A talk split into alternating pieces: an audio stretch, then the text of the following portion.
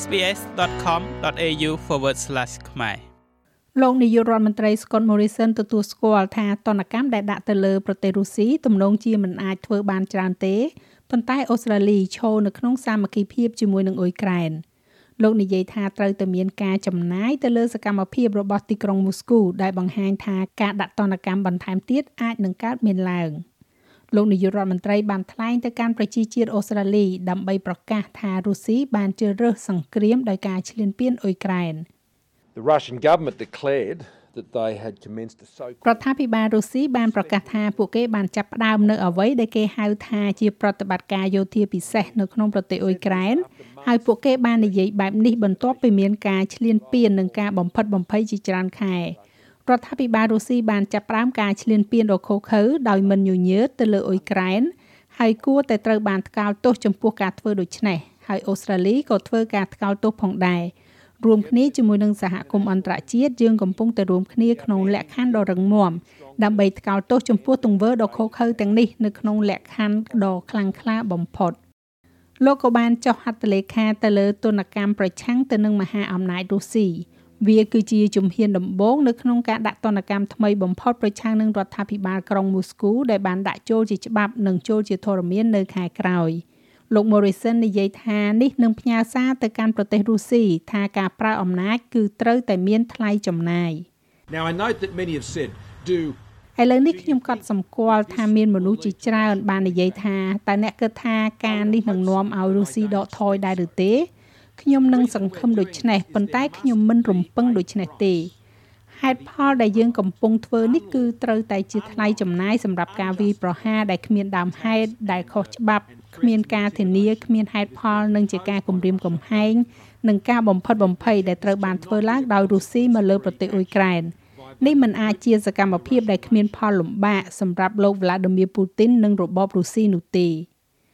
មេដឹកនាំគណៈបក Labor លោក Anthony Albanese និយាយថាតនកម្មត្រូវតែស្របទៅតាមប្រទេសប្រជាធិបតេយ្យផ្សេងទៀតទើបមានប្រសិទ្ធភាព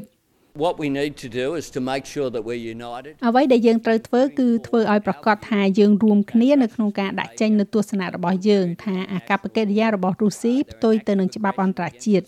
វាគឺជាការឈ្លានពានយ៉ាងសកម្មប្រឆាំងទៅនឹងរដ្ឋអធិបតេយ្យរបស់អ៊ុយក្រែន ហើយយើងអំពាវនាវឲ្យរុស្ស៊ីជាថ្មីម្ដងទៀតថយក្រោយនិងអនុវត្តទៅតាមច្បាប់អន្តរជាតិនោះជាអ្វីដែលយើងត្រូវធ្វើហើយជាការសំខាន់នៅក្នុងលក្ខខណ្ឌតនកម្មដែលយើងដាក់ចេញនៅតនកម្មដែលស្របទៅនឹងអ្វីដែលសហរដ្ឋអាមេរិកនិងចក្រភពអង់គ្លេសនិងសហភាពអឺរ៉ុបកំពុងធ្វើ អូស្ត្រាលីកំពុងតែដាក់បំរាមការធ្វើដំណើរនិងការដាក់ទណ្ឌកម្មផ្នែកហិរញ្ញវត្ថុលើសមាជិកចំនួន8នៃក្រុមប្រឹក្សាសន្តិសុខជាតិរបស់រុស្ស៊ីនិងផ្ដោតទៅលើវិស័យជាក់លាក់នៅក្នុងតំបន់ផ្ដាច់ខ្លួនអ៊ុយក្រែនក៏ដូចជាធនាគាររុស្ស៊ីចំនួន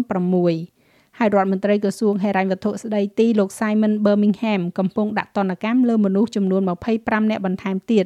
រួមទាំងមេបញ្ជាការកងទ័ពអនុរដ្ឋមន្ត្រីការពារជាតិនិងទាហានស៊ីឈ្នួលរុស្ស៊ីព្រមទាំងអង្គភាពចំនួន4ដែលពាក់ព័ន្ធនៅក្នុងការអភិវឌ្ឍនិងលក់បច្ចេកវិទ្យាយោធានិងគ្រឿងសព្វាវុធប៉ុន្តែលោកនាយករដ្ឋមន្ត្រីបានទទួលស្គាល់ថាវានឹងមិនធ្វើអ្វីបានច្រើននោះទេ I don't necessarily expect it to deter ខ្ញុំមិនរំពឹងថាវានឹងរារាំងមេដឹកនាំផ្ដាច់ការដែលមានចេតនាឆ្លៀតឱកាសដើម្បីស្វែងរកផលប្រយោជន៍ផ្ទាល់ខ្លួន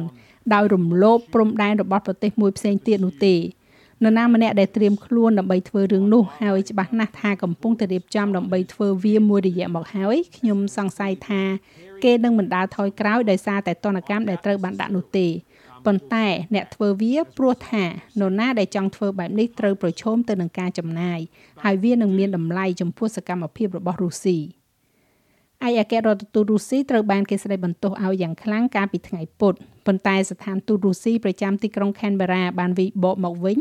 ដោយចោទប្រកាន់រដ្ឋាភិបាលអូស្ត្រាលីថាគ្រប់គ្រងនិងលើកទឹកចិត្តដល់ការគំរាមកំហែងចំពោះការរើសអើងនៅទីក្រុងគៀវហើយនិយាយថាការសម្រេចចិត្តទទួលស្គាល់ Donetsk និង Luhansk ត្រូវបានធ្វើឡើងក្នុងហេតុផលមនុស្សធម៌ដើម្បីការពារជនស៊ីវិល លោក Morrison និយាយថាការសម្ដៅទៅលើទាហានរុស្ស៊ីថាជាកងរក្សាសន្តិភាពគឺជាការប្រមាថ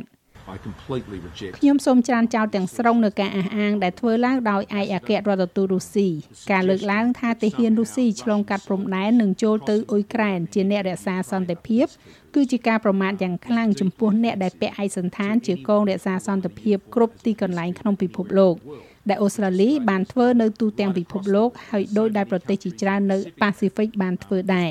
ពួកគេមិនមែនជាអ្នករក្សាសន្តិភាពទេពួកគេគឺជាអ្នកឈ្លានពាននោះហើយជារបៀបដែលយើងបានឃើញហើយយើងនឹងហៅបែបនោះប្រសិនបើពួកគេមិនចូលចិត្តទេវាគឺពិបាកណាស់